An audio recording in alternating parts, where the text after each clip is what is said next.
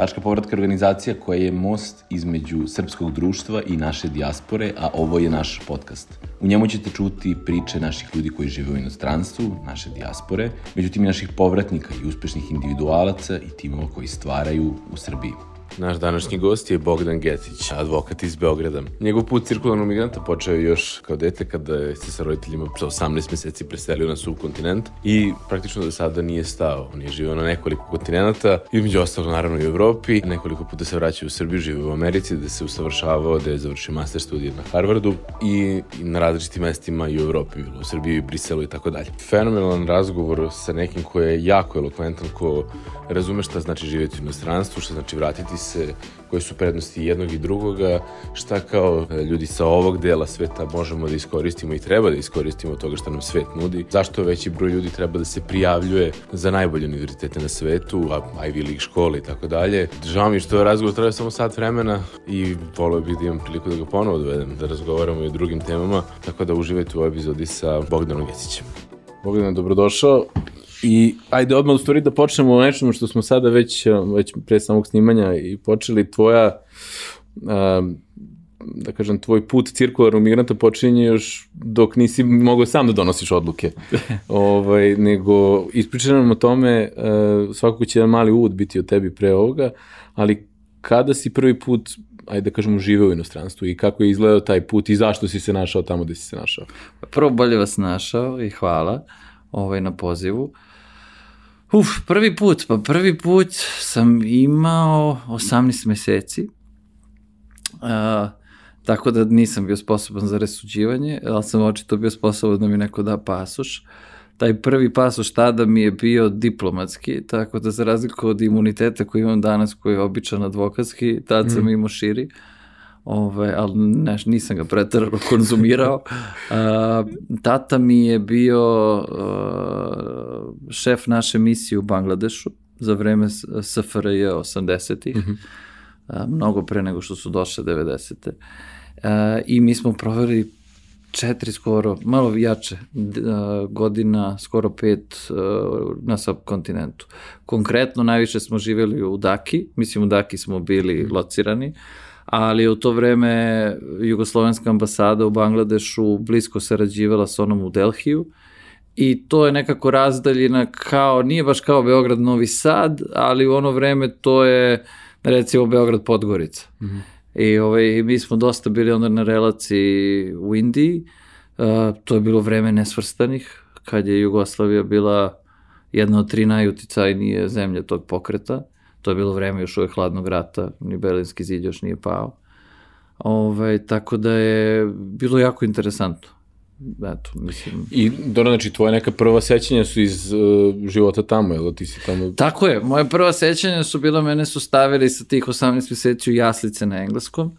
A, to je posle pravilo dosta problema sa, sa mojim srpskim kad sam uzeo da učim Ćirilicu, jer sam prvu azbuku zapravo naučio latinicu. Mm -hmm pa su onda bile sve one simpatične konfuzije o BV, CS i sve ovo što mislim da svi ovi, ovi pravi cirkularni migranti kasnije imaju problema sa svojom decom kad razmišljaju o povratku. To je inače jedan od glavnih okidača za povratak u, u Srbiju. Kada deca stasaju u neko dobro da uče, da, da, da govore i da trebaju da se edukuju i da komuniciraju na nekom, ajde kažemo, domaćem matičnom jeziku, i kad roditelji shvate da njihova deca neće govoriti jezikom njihovih roditelja. Tako je. Svako deset dete u, u dijaspori ne govori srpski jezik, a samo dva do tri govore odlično i ostali su negde između. I onda to ume da bude često kidač našim ljudima koji imaju decu tu uzrasta od 8 do 10 godina, kada već neka osnovnoškolci i da nekako probaju da ih ili uključu na ove školice naše koje postoje mm -hmm. ili da se u nekom trenutku na godinu dana ili na više vrati da bi se deca upoznali sa kulturom, istorijom, tradicijom, da bi se neka ta nit provukla kroz generacije, jer to postane ljudima užasno bitno. Ne, to jeste užasno bitno, ajde sad ćemo doći na to. Mislim, ja imam te perspektive od deteta do studenta do čoveka koji radi mm -hmm. i razloga zašto sam želeo da se vraćam ili zašto su moji roditelji hteli. Uh, Uh, ili su i moji roditelji hteli da se vrate. Tati kad se završio mandat, on je imao ponudu da radi u jedinim nacijama, on je to odbio da bi se vratio u, u Jugoslaviju, tada i u Beograd.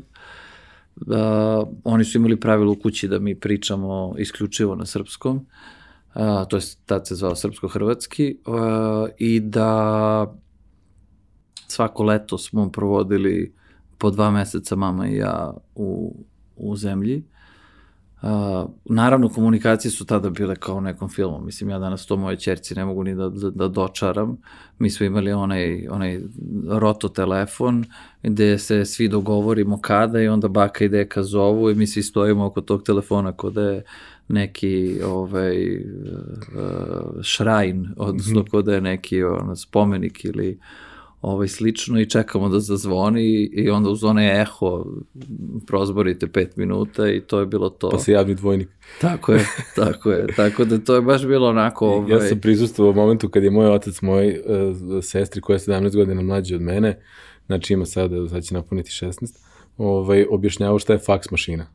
Pa zato što je to, zato što je, kako kada misliš o faksu, to je toliko jedan kratkoročan proizvod, razumiješ? Jeste. Znaš, telefon, jeste. pa ej, može da napraviš... On je trajao. Da, jest. on, znaš, može da napraviš poveznicu nekako, to je kao mobilni, ali fiksni s kablom. Ali, ali faks, brate. Da, da, da faks. faks smo imali drugo iskustvo. Meni tata posle smo radili i živjeli u Šangaju mnogo godina kasnije, 98. Uh, i, I onda smo se sa tatom, pošto on otišao pre nas, dopisivali faksom. Uh, Ove, ovaj, to je bila ta kratka era kad je da. faks, a još uvek nije internet zaživeo. Pravi internet je u Beogradu došao sedme na osmu, ali je to tada bio više luksuz nego što je bio ovaj, baš prisutan. Tako smo mi faksom se dopisivali. Mm. Ali da, tako je, to su sad te komunikacije. Mislim, to sve ove generacije danas nisu uošte ni svesne. I, i da, da se tu vratim na ovu priču oko naše dece. Mislim da ono što postoji ogromna šansa, sad da li će se oni koji na to mogu da utiču setiti toga je veliko pitanje, ali digitalizacija ja mislim da nam prvi put daje priliku i ova renesansa recimo serije i filmova koje se dešava trenutno poslednjih par godina u našem TMT sektoru, mm -hmm. nam daje ogromnu priliku da uh, uspostavimo kontakt sa tim generacijama na način koji je svima neuporedivo lakši sem opcije povratka. Mislim, ja, ja sam neko ko, i tu sam, znači, vrlo verujem u povratak, ali mislim da je on cirkularan, da ne mora da bude uh, konačan mm -hmm. u svojoj biti, ni tamo ni ovamo. A mislim da Netflix na srpskom koncept ili na ovim našim jezicima regionalnim, gde postoje še, serije i ostali kontent, je zapravo sjajan način da se prvo uvežemo sa svim našim ljudima u dijaspori, a onda da, da budu izloženi ne samo jeziku, nego i kulturnim referencama. Mm. Jer ja sam imao puno prijatelja čiji su roditelji otišli 60-ih, 70-ih, koji onda ostanu sa referencama i jezičkim konstruktima koji su bili dominantni u to vreme. I sad, kogod su oni trudili da uče dete u kući jezik, a, njegov sleng je iz 60, tako da. je, 60 i 70-ih. A vi ako detetu date a, pristup našim serijama, sinhronizovanim crtaćima, a, našoj televiziji, a, našim filmovima, na nečemu što je streaming, što je danas internet omogućio. Mislim, mi to danas i domaće platforme već to rade, samo je to još uvek tek u začelju. To može da bude prvi korak za jednu platformu gde mi sutra možemo razne digitalne servise da nudimo dijaspori, gde bi onda imali komunikaciju sa tom decom u stvarnom vremenu. U realnom vremenu, da. Što sve nismo imali. Znači, što sve naše neke generacije koje su 80. 70. 90. bili u inostranstvu, 90. su čak i bile najgore, smo bili potpuno odsečeni, a, 2000. to sve niste imali. Tako da mislim da u tom smislu ovo je za male nacije i etničke grupe uh, internet i ovo doba digitalizacije revolucija u našoj šansi da očuvamo svoj identitet. Jasno, da, da, da. E, to je recimo baš, eto, zanimljivo to što govoriš, to što opet se vraćam na tu moju sestru koja je e, živi u Zagrebu i majka je Hrvatica, ona je, da, kažem, mešovitog braka tu, ali ona je puno bliže zbog tog, e, ona je izložena popularnoj kulturi i to skoro isključivo zapadne obale američke, znači bukvalno mm -hmm. tako profilisana njen, ona engleski govori savršeno, mm -hmm. sa naglaskom koji deluje kao da je kalifornijski, pritom je bilo u Kaliforniji, mislim ne znam da li je bilo u Americi, ali je bilo jednom. Mislim, Jasne. taj neki nivo. Um, ali ka, kako misliš to sad, um, to da zvuči jako primamljivo ta ideja da, da postoji jedna platforma koja objedinjuje sve, ajde da kažem, kulturno-umnički sadržaj ovog regiona koji bi se plasirao na jedno mesto, ali je, li to to zvuči lepo i oko idealistički, ali to konkurentno sa tim serijama i na kvalitetom serija koje outputuju neke HBO, Netflix ili ostale platforme i da li misliš da je to koliko je to realno zapravo? Pa ja mislim da je vrlo realno. Mi sad kad pogledamo trenutno šta mi imamo, mi imamo jedno 3-4 naša već provajdera koje prave jako puno svog kontenta i koji mhm. imaju, to se zove stručno OTT, e, zato što je poslednje nastalo u tom nekom telekom razvoju, mhm. ali suštinski je to streaming platforma i postoje, znači, kažem, 3 ili 4 provajdera već, koje nude sve naše TV stanice, ali koje nude i sve filmove kao bazi podataka filmova u smislu gde možete ono on demand da gledate mm. i nude isto tako serije i nude crtani kontent koji je sinhronizovan, što je jako bitno, jer recimo da se vratimo na to moje iskustvo, mislim da deca najviše uče preko uh, crtača jezik, uh, pre nego što počnu da čitaju i pišu. Uh, zato što mislim da gestikulacije u miksu sa živom rečju, je tako uče od nas, tako? Kad da. si mala beba i krene dete da ti uči jezik, ono gleda šta ti radiš i onda imitira šta ti izgovaraš sa tvojim gestovima. To isto radi crtać. Mm -hmm. I crtać je najbolji način da deca uče jezik kad su baš mala. Kada krenu da čitaju i pišu, onda jedan od najboljih načina da učite jezik ako hoćete da gradite kroz neku zabavu je kad gledate serije ili filmove da koristite titel ili tog jezika, što jako dobra vežba za recimo engleski, isto kao jedan od jezika koji je dominantan originalno za serije i filmove, ili za domaće stvari da ga titlujete na našem jeziku ili da postoji titl za strani sadržaj, što sve ove naše platforme već rade. E sad, to, je, to su sve komercijalne platforme koje su međusobno takmiče. Kao, da li će se neko od njih setiti da krene da nudi digitalnu uslugu uh, koja je više obrazovnog karaktera ili neke doku serije, to je sad jedno pitanje, Drugo je da se to radi kao nacionalni projekat, što rade neke druge zajednice, ko što su recimo Izraelci, i što jako ima smisla, hm. i što danas prvi put možemo. To je da. nemoguće da. bilo. Ranije je nama bila neophodna a, mreža ovih škola i nastavnika koji bi živeli a, u mestima gde su zajednice brojnije, koje je finansiralo Ministarstvo inostranih poslova. To i dalje, to i dalje funkcioniše i taj broj ljudi recimo dalje raste i broj škole i broj nastavnika. E sad, ja sam možda tu previše uh, strog, ali ja ne vidim nikakvo ekonomsko opravdanje u tome.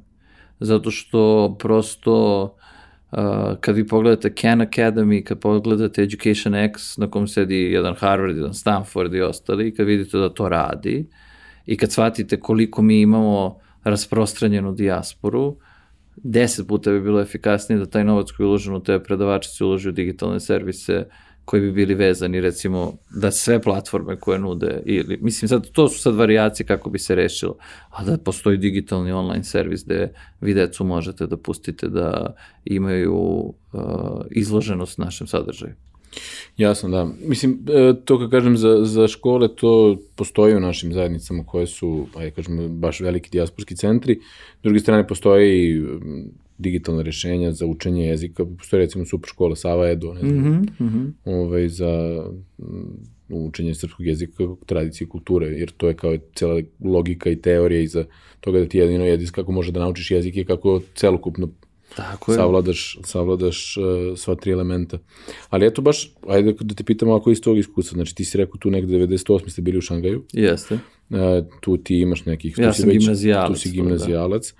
I sad imaš i neko iskustvo iz Srbije, ili tad Jugoslavije, imaš iskustvo sa, sa ovaj, Bangladešom i, ajde da kažemo, kompletnije, vi šire yes. od Bangladeša. I sada imaš neke, u svesnim godinama kada živiš u Šangaju, kako je to na tebe uticalo i šta je u stvari Ajde napravi paralelu između ovoga što govoriš šta je neophodno da bude ili misliš da bi potrebno bilo da se napravi jedna platforma mm -hmm. I to što je tebi tada falilo, kako je uticalo na tebe život na tako na nekoliko različ, vrlo različitih mesta u vrlo mladoj I sad, i sad oprosti, sad tu imam još dva dodatka. Sa, sa 26 je bila Amerika, da. godinu i nešto dana, i onda posle toga je bila, bio Brisel isto mhm. toliko. Mm. Gde sam u Americi opet bio u, u ulozi studenta, ja sam išao na magistarske, da sam posle toga u, u Briselu bio u ulozi profesionalca koji radi svoj posao. Mm -hmm. Da, tako da sticam okolnosti, bukvalno imam sve role malog bića do sedme godine, gimnazijalca, studenta i, i profesionalca. A, mislim da je jako teško da održiš kontakt sa svojom kulturom ako nemaš dovoljno izloženosti. A, mislim da je mislim da je 90. pogotovo bilo je izuzetno sad je ovo planazam izazovno, ali mm -hmm. baš to našim ljudima koji su odlazili zato što su odlazili pod jako teškim uslovima. Mm -hmm. Jako dugo im je trebalo da se popnu na to kako ga zove metaforičko brdo u smislu da su stvorili sebi neku stabilnost u životu, naši dobar posao, nostrifikovali diplomu, bili prihvaćeni profesionalno, naši rešili svoje stambeno pitanje i tek onda kad su došli na tu zelenu granu, onda kreneš da razmišljaš o stvarima koje su stvarno bliske srcu. A to je ko si, šta si, koji jezik će dete da ti govori, da li će znati šta znači laki je malo nervozan, mm. da li će kad dođe da vidi baku i deku moći s njima da priča, da li će znati koji odakle gde odmah se razumemo, ja ne, nisam po prirodi e, ekscepcionalista, u smislu ne verujem u izuzetnost ni jedne nacije. Nekad se našalim pa kažem jedne, ali ove, ali šala na stranu, ni tad ne mislim na našu, ali nisam ni neko ko misli da je naša a, na bilo koji način drugorazredna. Smatram da imamo istorijski i kulturološki svoje mesto, da smo mnogo toga uradili dobrog na što treba da budemo ponosni i da pripadamo jednoj kulturi da imamo mnogo toga na što budemo ponosni, da isto tako ima mnogo toga na što ne treba da budemo ponosni, a, ali da apsolutno je to kultura koja je bitna i mislim da identitet jeste jedna stvar koja vezuje ljude i koja je značajna i uh, što je jedan sociološki ili antropološki fenomen od kad postoji čovečanstvo. Mislim, to vidimo sa navijačima futbolskih klubova, mm -hmm. a kamoli sa nacijama.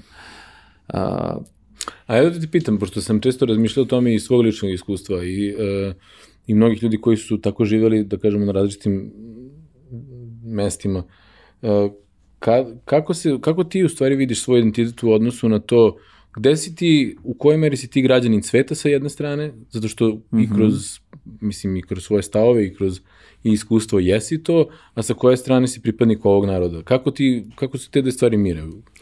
Pa, gledaj, sad, ovo će zvučati, možda zvuči baš dosta super pitanje, hvala. Zvučaće neozbiljno, kako ću da odgovorim, ali ovaj, ja, ja sam još kao klinac bio ogroman treki. Uh, mm. To je nadimak za ljude koji vole Star Trek. Mm -hmm. e, I tu je, ovaj, ali su neki koncepti iz naučne fantastike, Arthur Clarke i generalno masa njih su bili samo vesnici nečega što će doći. Uh, ja verujem u to da zašto sam otišao na tu metaforu? Postoji nešto što se tu zove federacija Mm -hmm. E, ove, odnosno mislim da postoji... Ko zna zna, ko, ko ne, ne zna, neka, neka sazna. Ne, e, baš tako, ali moje razmišljanje na temu je da, da postoji apsolutno prostora da cenimo, ali ne ono, ona floskula koja je isprazna, da cenimo tuđe, e, a da volimo svoje, ali ja stvarno mislim da apsolutno nije to ni šizofreno, niti je neka podeljenost, nego su to komplementarne stvari.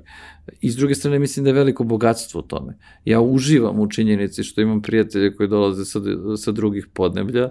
Ja kad sam išao na magistarske, nama je odeljenje imalo 170 ljudi iz, sad ću slagati, 80 i nešto zemalja. Magistarski završio na Harvardu u Bostonu. Tako je. E, I uh, meni je to jedno od najvećih bogatstava zato što imam bukvalno prijatelje sada skoro na svakom kutku zemlje a, s kojima sam proveo mi smo svi to doživjeli poprilično kao vojsku zajedno i da smo drugari iz vojske danas. I kada podeliš tako neko iskustvo sa nekim koje je toliko jedinstveno, koje god je jedinstveno iskustvo, bilo je to fakultet ili da je vojska ili da je neko planinarenje, ti dakle, si za uvek vezan za te ljudi. I mi jesmo i i ja strašno cenim to koliko imamo velike razlike, a, zato što je to meni stvarno bogatstvo.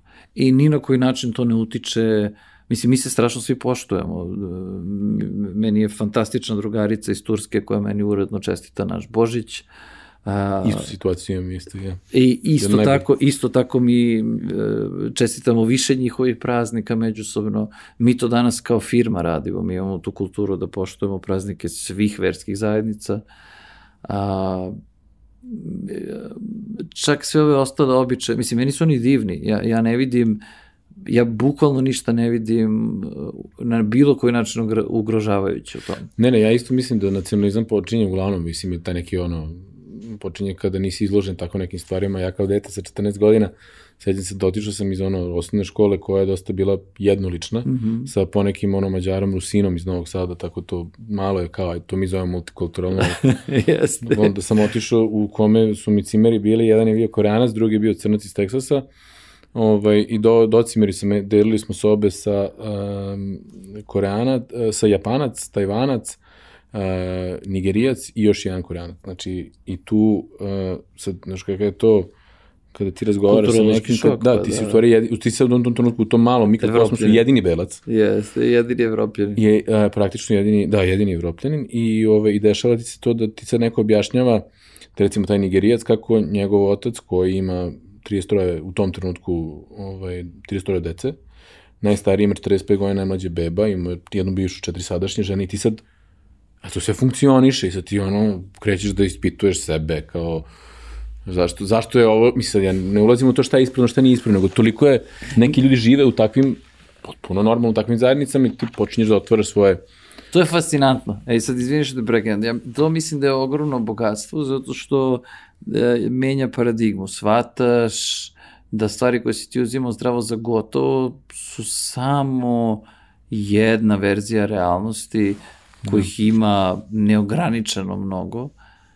I to isto mislim da je ogromno bogatstvo. Da, da, zato što e, generalno sam naučio kroz život da se plašim crno-belih ljudi. Mm. Uh, odnosno isključivih ljudi. Mislim da je najveće bogatstvo znati koliko su stvari relativne, koliko postoji nijansa sivog i da je to sasvim normalno i da, jer, jer to je prvi korak da si onda u stanju da možeš još da sagledaš tuđu poziciju. A to je neki korak ka nekoj konstruktivnosti i toleranciji. Jer u suprotnom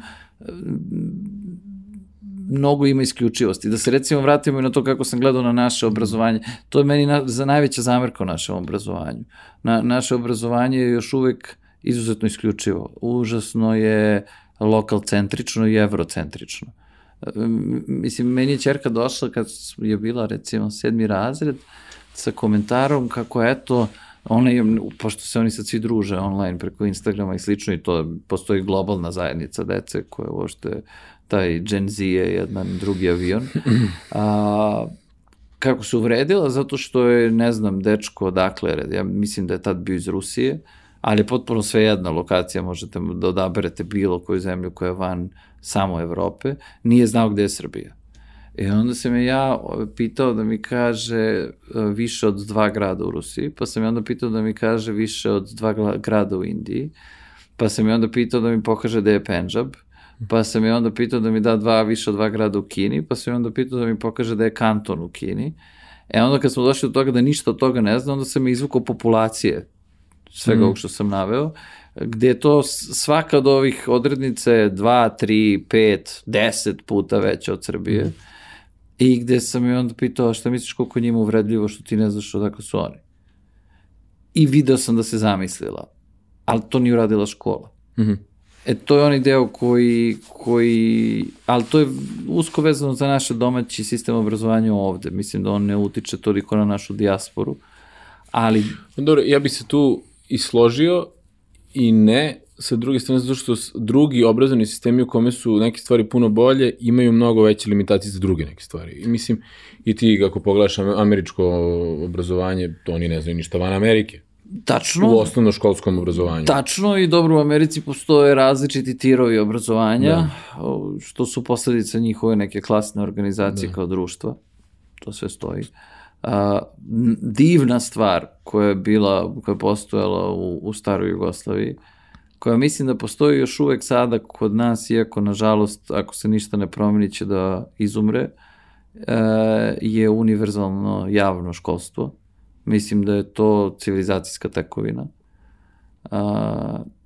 Zašto kažem mislim da će da izumre? Zato što malo ljudi to je kod nas, ne znam zapravo koliko ljudi to ispratilo, čini mi se da nije, Uh, mi uh, od kad smo uradili ovu tranziciju iz, iz komunizma ka kapitalizmu uh, smo zadržali welfare state, odnosno mm -hmm. takozvanu državu blagostanja, u smislu besplatnog školstva, besplatnog zdravstva i penzionog. Pomoći, ne? Ali nismo uveli nešto što postoji svuda na zapadu, u, koji imaju takve države blagostanja, a to je da se plate u javnom sektoru prave spram kupovne moći na nivou lokacije gde ljudi žive. To se zove purchase power parity. Mm -hmm.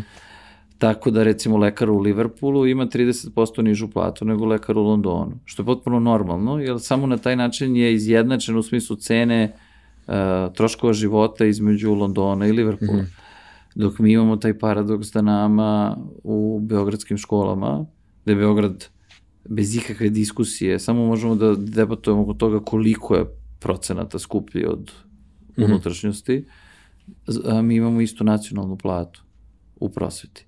I onda dolazite u paradoks da, ja ne znam sad poslednju informaciju, ali da, da uh, profesor matematike u gimnaziji uh, kod nas u prestonici uh, ima platu koja je toliko skromna da je konkurentni neki kafić u, u istom tom Beogradu. Mm.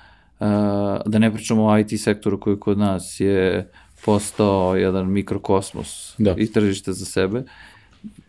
Mislim da ti problemi će nas tek stići s našim obrazovanjem. Po nije, ja mislim da su nas tu već stigli, samo što ja nisam siguran da je to ta vrsta rešenja, da je to, ajde, ja razumem da je to ono, purchase power parity mora da postoji donekle, mm -hmm. s druge strane postavlja se pitanje ja mislim da tu problem e, većeg kapitalnog ulaganja u, u samo obrazovanje, nego da je u tom nekom, ajde da kažemo, regionalnom raslojavanju nužno zašto ne bi imao neko Zašto uglavnom, recimo, e, profesori i nastavnici u, u, u manjim sredinama, barem iz nekog mog iskustva, imaju puno više uloga koje ispunjavaju u okviru iste, iste obrazovne ustanove. A ne, ne, ne, ne pogrešno shvatiš, ja mislim da je to sjajno, i generalno sam veliki pobornik... Uh, decentralizacije, verovatno. Tako je, ogroman sam pobornik decentralizacije. Mi to kao kancelarija od, od daj da kažemo, od tih takozvanih velikih privrednih kancelarija kod nas, uh, mi to baš svesredno podržavamo. Uh, šta više, jako se trudimo da sarađujemo sa univerzitetima van Beograda. Uh, generalno imam utisak od deci koje dolaze van Beograda su fantastični. Mislim da je to jako bitno i da je decentralizacija izuzetno bitna. Jer i to je taj identitet. Mm -hmm. I to su sad neki mikroidentiteti koji svi donose, koji su jedno bogatstvo. Ne daj Bože da svi postanemo Beograd. Mm -hmm. Mislim to mislim da, da bi izgubili toliko na, na vrednosti. Ali da, ulaganje u, u javno obrazovanje, Mislim, tu su nam skandinavci odličan primjer. Ajde sad smo obrnuli potpuno priču da. na ovu našu domaću stranu. Da. Ali oni namrno, kao što estonci uče kodiranje od prvog razreda, što je super stvar i što je sad i kod nas počelo kao trend, isto tako uče engleski svi skandinavci od prvog razreda po 6-7 časova nedeljno. Nije, e, to je odlično za male nacije. Zato što upravo postiče tu cirkularnu ekonomiju. Mi smo mala nacija, ceo zapadni Balkan je mali u, broju, u smislu mm. populacije. Mi ne proizvodimo za domaću potrošnju, mi nismo Kina. Mi proizvodimo za izvoz. Što bi značilo da mi treba da smo u svemu što radimo nastrojeni na internacionalizam. Mm. Prvi korak je jezik. Mm. Postoje tri lingve franka danas, to je engleski, kineski i španski mi možemo da optiramo ili za sva tri ili za jedan, ali definitivno nam jedan treba da deca uče bukvalno od prvog razreda kao domaći ovde. I mislim da onda to može neverovatne stvari da uradi u smislu pristupačnosti znanja. Možemo da leveriđujemo, odnosno, evo, sa to nemamo pravo reći, ne, ne, ne znam da ti znaš.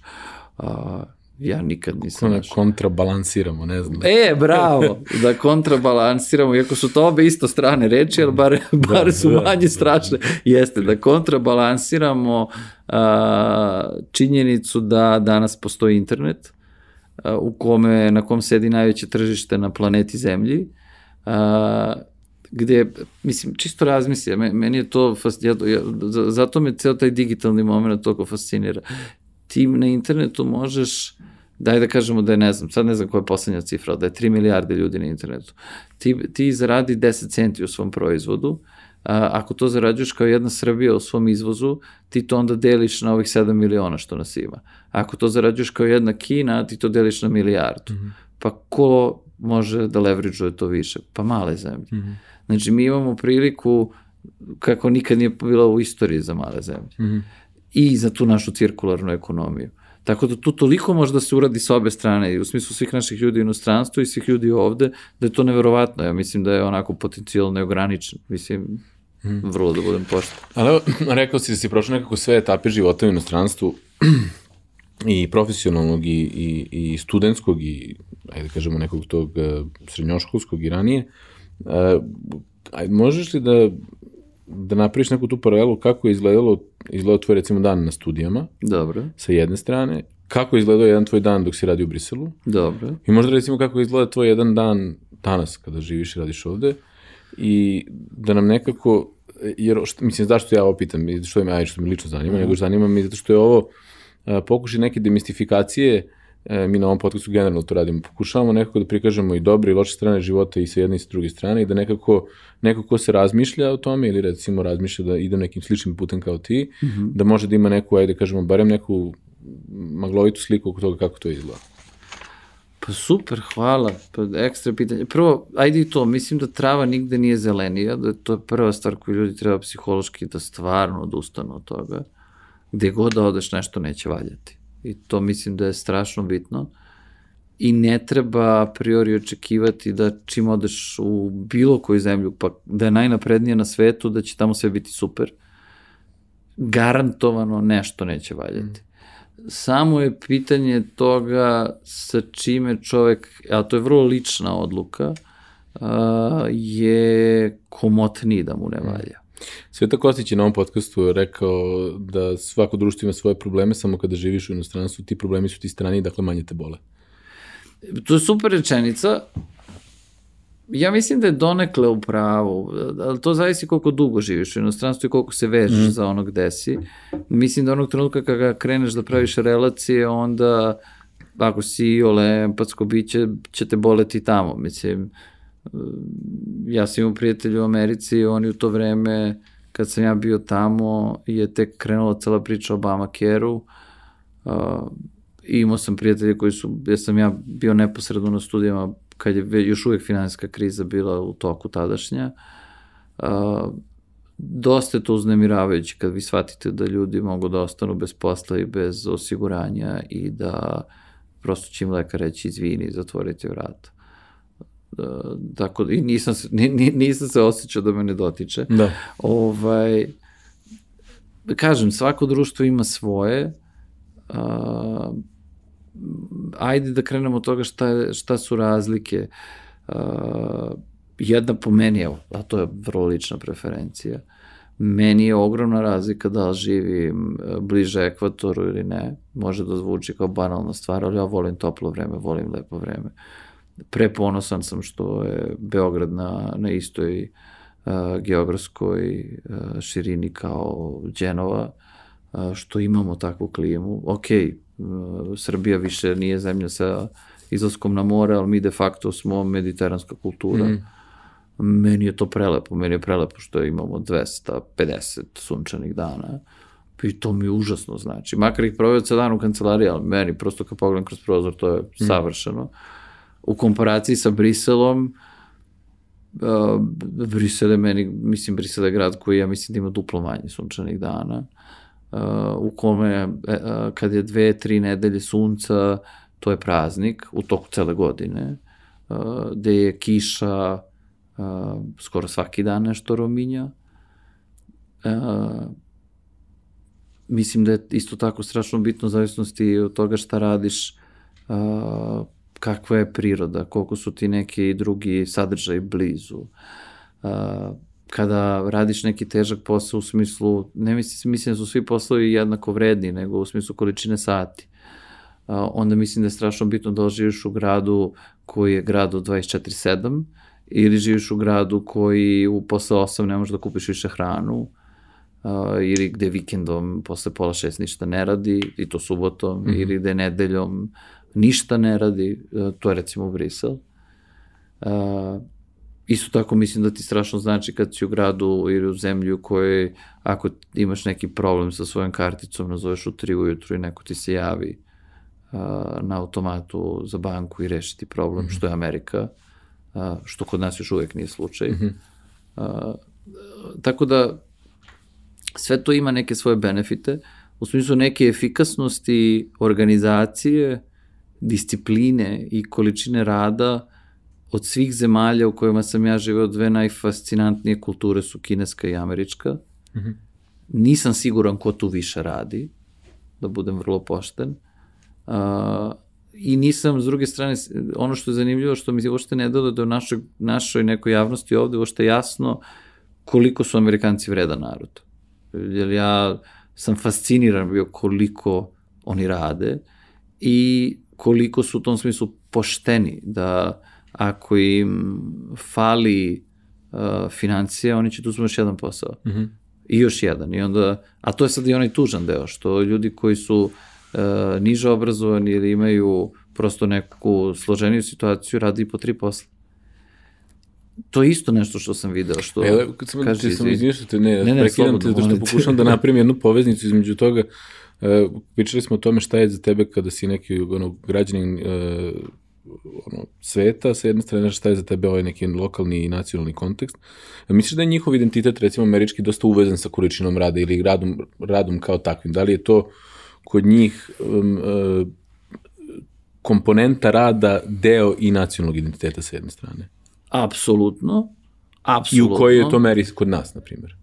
Pa sad tu ima više stvari. Ja mislim da, da kod njih je apsolutno to je ogroman deo njihovog identiteta, bar ono što ih ja poznajem. Sad mi isto tako treba da tu budemo, da stavimo stvari u kontekst. Amerikanci su, mi ih svi često gledamo kao jednu unifikovanu da. ovaj, masu, Ali su mnogo a oni su da, da. prvo ogromni, znači to je zemlja koja je u ovom trenutku koliko nekih 330. 30 puta veća od Srbije, je li da. tako?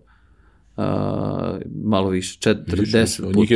40-45 puta veća od Srbije, koja geografski ima više vremenskih zona nego Evropa. Znači San Diego, zapadna istočna obala razlika 4-5 sati, nama je najveća razlika Tina London 2 sata da. uh, ili Istanbul. Tako da uh, su duplo geografski veći, populacijski su od nas to 40 puta veći. Znači tu postoji jako mnogo subkultura. Da nevezano od toga definitivno, pogotovo ovaj deo koji je originalno bio istočna obala i protestantizam, gde je to veliki deo njihove etike, izuzetno su, je rad bitna stavka. I izuzetno su vredni ljudi. I generalno je posebna vrsta ponosa postoji iz toga da svojim radom nešto stvoriš. E sad da se vratimo na nas, nis, ja mislim da mi, da, da nas može čovjek da podeli u eru 19. vekovnog našeg društva ovde, koje mislim da je bilo fantastično vredno, radno i preduzimljivo. Mm.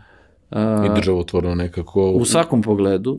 U tom društvenom smislu, ne samo što u formiranju institucije, nego meni deluje, barem iz ono što sam čitao, da postoji taj polet i nalet, da se napravi država, da se, da se radi puno, da se stvori jedna zajednica, stvori da komad neke svoje zemlje. Fascinantni, mislim, nama je recimo kancelarija, sada mi se nalazimo uh, zvanično sedište u Nikole Spasića, de facto smo u celom tom objektu, uh, koja je ulica koju jako malo ljudi zna, uh, ona je jedna, jedna malena ulica iza Narodne banke Srbije i uh, izlazi na ćošak sa Knez Mihajlovom i to je skoro sve što je siroti Nikola Spasić dobio, uh, zato što za vreme komunizma je bilo neophodno da se pokaže da su kapitalisti grozni, da vole da da sebični, da kradu, da su gramzivi i ceo onaj, onaj narativ, kičasti da. narativ. A Nikola Spasić je čovjek koji je bio jedan od tih iz 19. veka kod nas, koji je kraja 19. koji je 916. umro na Krfu uh, i koji je ostavio u svom zaveštanju, u svom testamentu sve uh, da se napravi zadužbina, čiji je jedini zadatak bio da uh, gradi bolnice i da stipendira studente medicine, uh, kuriozitet je da 39. godine, 1939. su bili par procenata veći od Nobelovog fonda. 45. godine je mnogo partizana uzelo i oslobodilo zadužbinu, što je onako poprilično meni šokantna informacija i dan danas. Hmm. Ta zadužbina je uspela sa svim što se desilo da preživi, iako je gomila imovine uzeta. Imaju i danas, i to su se upravni odbor tadašnji, pa njihova deca i unuci su zapravo ljudi koji su ostali angažovani i oni su i dan danas uh, aktivni. Svašta su ljudi preživeli, mi smo njihovi stvarno ponosni zakupci. Uh, I ja koliko znam, pred COVID su nekih 300.000 evra dali u stipendijama opet našim studentima u nekom periodu. Znači još uvek rade. Zašto sam to apropo te naše kulture? Mislim da do socijalističkog samoupravljanja da je to vododelnica, da do tad smo imali jednu radnu etiku. Mislim da je samoupravljanje i to je ona serija Grlom u jagode meni. Mm -hmm. primer. Ovo, meni su roditelji malo stariji, tako da tu generaciju jako dobro poznajem. Uh, mislim da nakon njih se naše radne navike značajno menjaju. Tad su krenule one po meni lažne dileme, da li živiš da bi radio ili radiš da bi živeo, ona čuvena, mm -hmm. koju svakome vole, pogotovo kada odu inostranstvo, to mm -hmm. se često ljudima servira. Ove, ovaj, a, I danas mislim da imamo nedefinisanu radnu kulturu. Mislim da, da se to tako kod nas gubi. A, ono što je meni, a, u smislu nema, nema jasnog cilja, ono što je meni divno, i, i što mislim da je ogromna stvar sa cirkularnom ekonomijom i, i sa povratkom, je što su povratnici sjajni. Oni donose radnu etiku koja je vrhunska. Sve povratnike koje znam su ljudi koji su isključivo napravili doprinos od kada su se vratili. Većini je to bio i najveći motiv da se vrate. Uh, I koji rade stvarno neke onako divne i i jako vredne stvari. A, mi recimo u firmi smo imali politiku da se, da budemo safe haven for repats, to tako zovemo, mm. a to je znači repat ili povratnik a, koji je radio nešto u advokaturi, završio nešto u školovanju u inostranstvu i želi da se vrati. A, njima smo davali apsolutni prioritet. Iskreno, njihove priče i ono što smo videli je da nisu baš bili uvek dobrodošli na našem tržištu i to isto moramo da budemo pošteni, e, da i to je prosta stvar, postoji strah od konkurencije, mm -hmm. jer, jer povratnik je e, ogromna dodata vrednost, a e, domaći kadrovi se toga plaše. Što ja mislim da je skroz pogrešno, jer gledajte, evo da se vratimo na tu 19. vekovnu Srbiju, ali ću dobro da objasnim to što ću da kažem. Obrenovići su imali politiku da stipendiraju uh, studiranje u Francuskoj pod uslovom da se naši đaci vrate. Da. I zato onda kad uđete u dva Jelena i u ove naše sve kafane po Skandarili, oni imaju taj uh, kabare čak i zidove ofarbane, zato što se jedno vreme u 19. veku su, krajem 19. većina naših ministara su imali završenu Sorbonu i slične škole, a, izvali su se Parižani i zato i naša cela arhitektura bila takva u tom razdoblju i tako dalje. Zato što se tada shvatalo da, i to se zna i danas u intelektualnoj, prvo intelektualna svojina je najvredniji oblik svojine. Mm -hmm. uh, Facebook, Apple, Google, uh, to je sve intelektualna svojina. To je, najmanji deo je ovaj opipljivi da. tehnički. A, znanje je, know-how je najvredniji deo opet intelektualne svojine od svih oblika. A, a to je najlakši transfer znanja bio za jednu malu zemlju. I da se sad vratimo na našu današnju priču, naši povratnici su najveći nacionalni interes. Oni su najveći transfer znanja za ovu sadašnju zemlju. Tako da ja mislim da, i, za, i zato sam oduševljen s ovim što vi radite, iskreno, i zato ne da mi je zadovoljstvo što sam ovde, nego što se na svaki način da podržim to što radite, ali mislim da je to e, najbrži način za nas da uhvatimo korak sa svim onim što smo u ostalom čak izgubili 90-ih. Mm -hmm. Ne, i to, to, to se sve slažem, mislim, e, problemi to prilikom, ajde kažemo, mnogi ljudi ne, i prolaze kroz kultu- kulturološki šok prilikom povratka, jer imaju jedno očekivanje, sa, sa, sasvim nešto drugo ih sačeka Mm. i pogotovo ta vrsta um, ajde, možda neki nisu uvijek prihvaćeni u svojim zajednicama i druga stvar, ja mi jedna stvar protiv koje se mi kao to kao protiv vetrenjača borimo, to je neki stav u društvu, je, mislim, verovatno i ti znaš iz svog iskustva, prva stvar koja te neko pita zašto si se vratio. A da, da, da, da, taj je najbolji. Dokle god imamo takvu neku stav u društvu, gde je samo otići neka vrsta pobede, a povratak bilo kakav daje poraz, uh, dokle god je taj narativ, mi ne možemo da mislim, Ja imam tu zanimljivu priču, sad izvini što te prekinem. Da, to, to, je, to je strašno koliko to de, daleko ide. Ja, ja sam kad sam završio magistarski dobio posao u jednoj Wall Street kancelariji da radim u njihovom, uh, njihovoj podružnici kancelariji u Briselu. Uh, I to je i dan danas najstarija još uvek operativna Street kancelarija u Americi. U to vreme su bili uh, glavna advokatska kancelarija Microsofta za antitrust, za, aj zovemo ga kolokvijalno antimonopolsko, mm.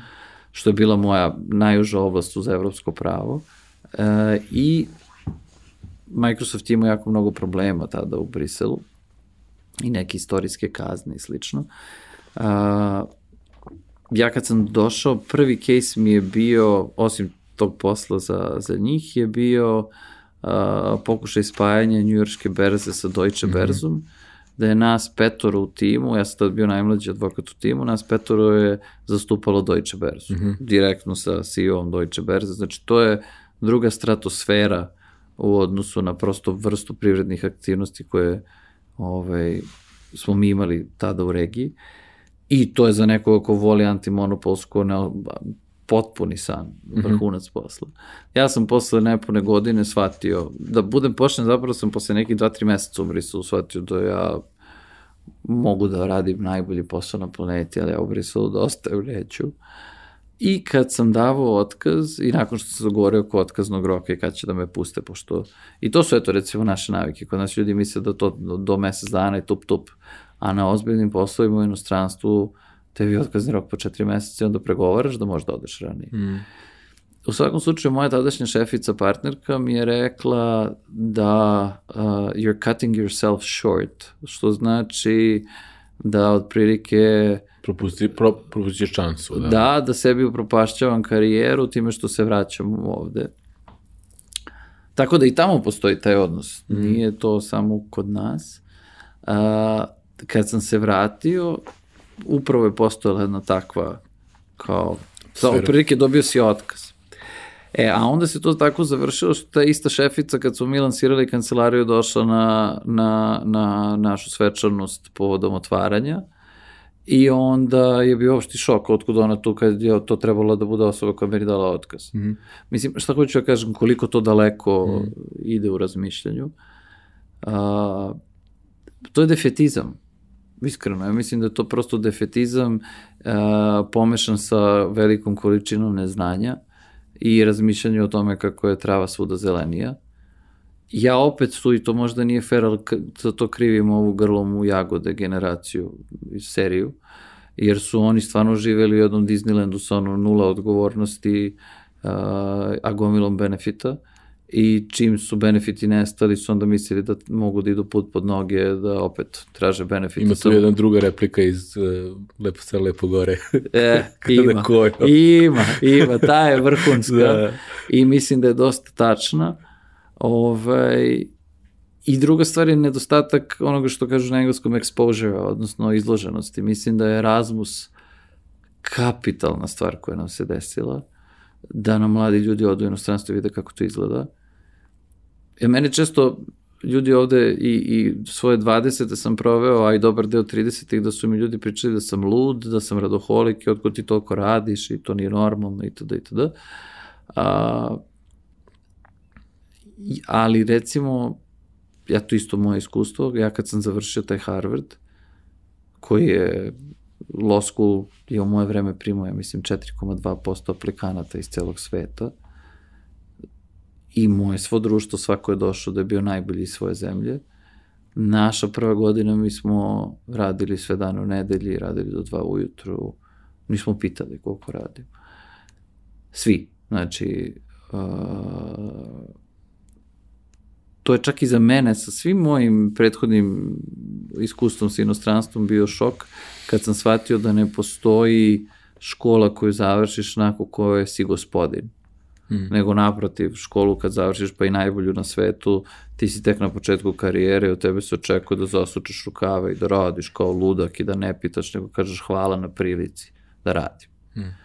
Što je ogromna razlika u odnosu na, na našu kulturu. I jeste tu i, i to, e, to neko večito čekanje bolje prilike. Pa ja, ja iskreno, mislim, ja opet imam teoriju, ne, ne znam da li je tačna, da je to do, odradio komunizam, iako nije fair da ga krivimo za sve, ali mislim da jeste. Mislim da smo mi iz jednog agrarnog stanovništva jako brzo skočili u, u visoko obrazovanje i mislim da je onda bilo imitiranje, odnosno mimikovanje onoga što se zamića da je gospodin, a ti kad dobiješ do, diplomu ti si gospodin i onda ti imaš poslove iznad kojih si koje ne treba mm. da radiš i imaš jedan gospodski a, radno vreme i život i tako dalje. Ja to imam i sa našim juniorima često u firmi, recimo a, i ne samo, mislim, to vidim na, na svakom koraku. Ja sam, kad sam radio u tom Briselu, a, hefto dokumente, znači od, od pisanja najsloženijih ekonomskih analiza, pravno-ekonomskih, pa do heftanja dokumenta. Sve se mm. očekuje da radiš. Da. I to će da radi tvoj šef. Kod nas uh, vi ćete imati ljude koji će odbijati manualne poslove zato što imaju diplomu. Da. I sramotu od manualnih poslova. To isto recimo stvar razlika između naše i američke kulture tokom leta njihova deca iz najbogatijih familija rade kao konobari. Da. Kod nas je to sramota. Uh, ima tu, što mi imamo jako veliki problem sa akademskom zajednicom, zato što zbog određenih i, i mehanizama koji su postavljeni, ti jako teško možeš kao profesor ili neko ko se obrazovan na vrhunskim institucijama dobiješ bilo kakvu poziciju na fakultetu i najveći, ajde kažemo, barijera tu je i uh, ta neka autonomija koja je, sa pravom treba da postoji, ali se zlupotreblja u ovom konkretnom ovaj, slučaju. Izvini što se smeje, zato što si baš ljubazan ovaj, Da, da, smem ja, pošto ja sam gost, ti si domaćin, pa moraš. A, Čekaj, samo, hoću da mi kažeš, samo da ti završim, samo kada je rekao, iskomentarisao, e, na, apropo ovoga što si rekao da su odjednom sada, kad su dobili diplome, navikli neki, ajde, šta je gospodin i to, da je i objasnio i kaže, ma ovi naši profesori, kaže, to su uh, version Kama Sutra instructors. pa, pa ne, pa mislim, ja, zato sam sad, ajde ok, sad, sad si na kraju, nisi Nisam bio diplomatičan, inače se ja, ovaj, mi, mi, mislim, ja mislim da, da, da recimo na, na, na, naša država i društvo je izuzetno blago prema Beogradskom univerzitetu.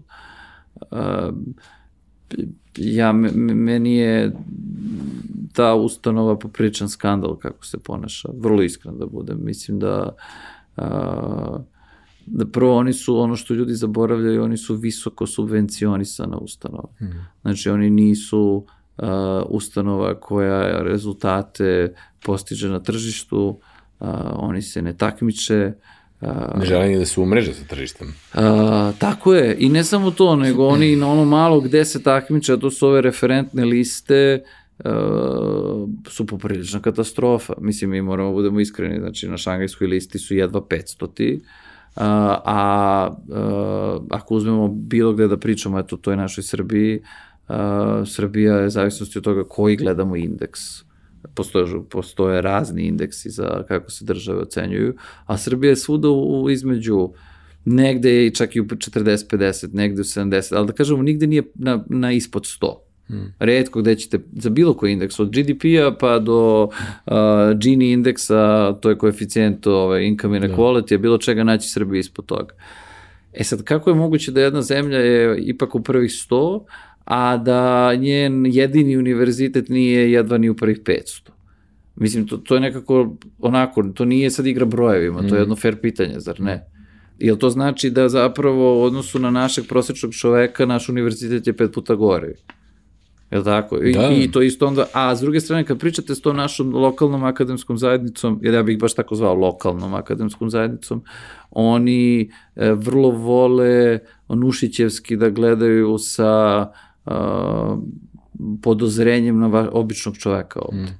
To im je onako, vrlo imaju sklonost ka tome. A, gde ja, ja bi im odavno ugasio finansiranje. Prosto bih rekao gde su rezultati, gospodo, gde su impact časopisi, gde su peer reviewed revije. Mm. Mislim, oni su slatki, oni naprave reviju sami sa sobom i onda se okupe negde tako regionalno i onda objavljuju članke koje nemaju nikakve veze ni sa čim što je značajno. Da, blokiraju povratak svakog našeg čoveka, univerzitet je tu verovatno i sad ok, nije ideja, ja mislim, ovog našeg susreta bila da, pričamo da. o takvim stvarima, ali vrlo pošteno i BU je tu predvodnik, je problem za povratnike koji su visoko kvalifikovani. Mm. Mislim, šta više, BU izbegava svaku saradnju. Ja kad sam bio na Harvardu, uh, Harvard je teo da uspostavi saradnju sa BU, da omoguće razmenu i da omoguće, uh, i to bi sve bilo finansirano od strane uh, i, mislim, ne bi BU plaćao. Nije bilo interesa. Nisu ljudi follow-upovali, nisu, znači, se javljali na mail da se to desi. Tako da, to, to trebamo da budemo pošteni, ako pričamo o tačci povratka, um, onako... To nam je najizazovnije. Najizazovniji su nam naši visokoobrazovani domaći. Da. Uh, naš običan svet i normalni ljudi ovde, uh, mislim da odlično prihvataju povratnike, uh, naši mladi ljudi mislim da odlično prihvataju povratnike, a, lokalna akademska zajednica se ponaša kao kartel ili monopol, sad možemo da, mm. da, da, da diskutujemo, koji želi da suzi tržište geografsko, da bude što uže, ali da oni zadrže da su tu monopolisti. Šta da radimo? Mislim, to je... Ne, užasan, mislim, i to je, mislim da, da je možda ovaj uvod u neke, neka pitanja koja mi postavljamo na kraju i, i svim našim ovaj, e, e, sagovornicima, ali e, pre, pre tog nekih poslednjih seta pitanja imam samo ono nešto da, da te pitam kao šta je šta je tvoj glavni razlog za povratak bio i kako vidiš u stvari e, svoj život ovde i svoju neku misiju ovde i isto smo pričali pre podcasta, znači to je jedno pitanje, drugo je um, zašto misliš, opet na tragu ovoga što smo pričali tokom celog razgovora, da je bitno da se naši ljudi prijavljuju na što veći broj vrhunskih fakulteta i šta to može da doprinese društvu? U, pa dobro, super pitanje. Ajde, a, ajde da krenemo od ovog drugog, zato što je kraće i lakše. Ovaj, mislim da, prvo mislim da čeznu strani fakulteti i univerziteti za našom decom. Mi, ja, ja, ja sedim u bordu asocijacije svih e, diplomaca prava sa Harvarda u Evropi, upravnom odboru. A, ali znam i za ostale fakultete na, na Harvardu, čeznu za našom decom. Uh, mi toliko malo imamo aplikanata, znači toliko imamo malo dece da uošte probaju. Mislim da je razlog zato što se pravi namerna mistifikacija kako je to nedostižno i skupo, što uošte nije istina. Ja sam uh, svoje celokupno školovanje mi je Harvard finansirao danas, ako je poslednja informacija koju znam, recimo za osnovne studije, ako domaćinstvo ima ispod 75.000 dolara godišnje, ne plaća se nikakva školarina. Nula. A, I odluka o prijemu nije vezana za plaćanje školarine i to sve stoji na njihovom sajtu, to mogu posle i da, mm. i da podelim. Evo i naš kolega koji je poznat ljudima koji prate ovaj podcast je na stipendiji na Harvardu na drugom jednom programu, ali opet na, na mislim, najprestižnijem fakultetu i u najprestižnijem, da kažem, tom uskom sektoru obrazovanja za koje je on zainteresovan, to su javne, javne politike, tako da svi smo prošli taj proces prijave, tako da znamo da je moguće i sve mu je financirano takođe od strane Harvarda. Pa tako je, i to je krucijalno i sad razmislite o brojkama, mi ako bi imali svake godine Uh, za recimo određeni fakultet po desetor mladih ljudi da se prijave, automatski se povećava šansa koliko ljudi iz ove zemlje bi bilo primljeno. Zašto to vredi? Pa zato što vredi za njih lično, vredi za njihov uh, pogled na svet, uh, vredi za njihovu mrežu i za njihove prijatelje, vredi strašno za zemlju, zato što svaka pozitivna osoba koja od odavde i napravi prijatelje tamo menja sliku o zemlji. Mm i njihov povratak vredi u smislu onog know-howa, odnosno transfera znanja o kojem smo pričali, nemerljivo. Hmm. Tako da, to je najveća stvar koju možemo da uradimo, što više njih da ode i Bože zdravlje što više da se vrati, to je, to je ponovno umrežavanje Srbije u svet. Mhm. I to je, mislim da mi ne možemo veću, veće dobro delo da uradimo ni na koji drugi. Mislim, to je po meni, ništa drugo ne može da ima veći uticaj, odnosno impact od, Da. od ovoga. A kako je, vidiš ti to iz ovog ličnog ugla? Zašto si se ti... Da li je to, da li je tvoje neko generalno gledanje na tu stvar i važnosti povratka utiče na tvoju ličnu odluku? Pa da, mislim, iskreno, ja sam, meni, ja sam stvarno, ja bi sad kad bi morao da izdvojim jedan razlog zašto sam se vratio, to bi mi baš bilo kompleksno, ali generalno sam ja malo takav, ja, ja, ja odluke donosim na osnovu kumulacije razloga, tako sam ja imao sad ceo jedan proces uh, što sam sve tog želeo. Uh, bilo je od onih vrlo uskih privatnih, u smislu da su mi roditelji bili uh, živi bili ovde i da sam želeo da budem njima bliži. To je između ostalog razlog zašto nisam u Njujorku prihvatio posao, zato što sam, tata mi je tada, dok sam bio na, na magistarskim, doživeo uh, neki udes i morali su mu operišu kuk i kad sam ja shvatio da ja od trenutka kad se njima nešto desi do trenutka do kad sam na vratima, tad nije bila direktna linija New York-Beograd, je jedno 18 sati, sam shvatio da ne želim da budem na tom kontinentu. Jasno. A, kad sam bio u Briselu, shvatio sam da bih ipak volao da sam tu na dnevnoj bazi. Sticajem okolnosti, meni se to i desilo posle da meni otac e, 18. se teško razboleo i na kraju i preminuo. Jako mi je značilo što sam bio tu svaki dan. Znači, od tih nekih vrlo ličnih i, mm -hmm. ajde kažemo, jednostavnih stvari, pa do stvari koje su se svodile na to da nisam uh, želeo da živim u mestu kao što je Brisel do kraja svoje karijere, uh, do toga da sam uh, čeznuo za uh, svojim prijateljima, svojim relacijama uh, ovde, do toga da sam želeo da moje deca odrastaju u mojoj kulturi uh, i da imaju s njom bliži kontakt, uh, do toga da sam video ogromnu priliku za moju konkretnu profesiju, koja je 2000-ih pa i 2010-ih tek bilo u nastajanju, još uvek je u nastajanju, mm -hmm. a to je privredno pravo, uh, i gde je to tržište kod nas, gde sam ja imao priliku da se, da se bavim nečim kreativnim i zabavnim, u nečemu što je ovde još uvek kao startup scena, u odnosu na, na zapad gde je to staro po 100, 200, 300 mm -hmm. godina. Tako da je baš bila jedna kumulacija razloga, nisam dan zažalio, nikad. Uh, I naravno, povratak ima izazova koliko voliš, mislim, to je sve sad sve ovo što smo pričali, mm. Ove, ali, ali ja uvek bi se vratio i uvek mislim da je to za mene bila najbolja odluka koju sam napravio. Ja. A, I za kraj, ta dva pitanja, jedna koju knjigu si najviše puta poklonio nekome? Koju sam knjigu najviše puta poklonio? U, to je baš dobro pitanje. Poklanjam često knjige, redko kad iste, da to je baš teško pitanje, da znaš da ne, sad ne, nemam ideju koju sam najčešće poklonio nekome. Mogu da ti kažem koje... E, koju si poslednju poklonio nekome? Koju sam poslednju poklonio nekome, sam poklonio Creativity Inc., mm -hmm. koja je vrhunska, koju je pisao čovjek koji je osnovao Pixar, mm -hmm. prelepa knjiga i poklonio sam, zato što sam imao sličan zadatak, ovo možda ste se domuđavali ti ta osoba, šalim se, imao sam zadatak da poklonim knjigu koja je meni značila puno, uh, u nekom razdoblju života. E sad ja kad sam bio klinac, bio sam verovatno čudan klinac iz današnjeg ugla, ja sam ove, kad sam bio uh, osmi razred prvi put pročitao 1984. E, i, I onda sam nju poklonio i na nju se često vraćam. Ona mi je nekako... Mm. Ona je, ona je jedno red, redka knjiga koja je aktualna kroz vreme. Mm. Ovaj, I jako zanimljiva. Neko bi rekao aktualnije nego ikada.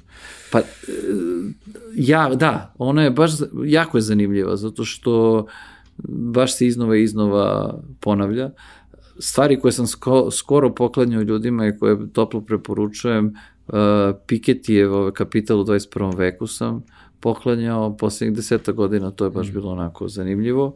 Uh, I našeg dragog Milanovića, mm. uh, Capitalism Alone, mm. uh, koji je fundamentalno delo za ljude koji interesuje uh, uređenje društva, makroekonomija, mm. pa i za sve nas povratnike, zato što daje jednu odličnu komparaciju između uh, opcija. Mm. I za kraj, ovaj, da možeš ono magičnim štapićem da promeniš jednu stvar u ovom društvu i da to za 24 sata svi prihvate kao novu normalnost, koja bi to stvar bila? Mm. Pa može dve. da vidim da si pet knjiga preporučio, sad bi još šest stvari da promeni. Vidim malo. Samo, samo Ajde, dve. Ove, jedna bi bila meritokratija. Mm. Ubedljivo meritokratija. Znači da prosto kao u sportu, da u svemu pobedi ko je najbolji i da svi ostali poštujemo pravila. Mm. To mi je to mislim da je da, da, da. a druga je da, da, da imamo više dece a manje matoraca da, da smo kao Indija, da imamo ono pola populacije koje je ispod 27, da.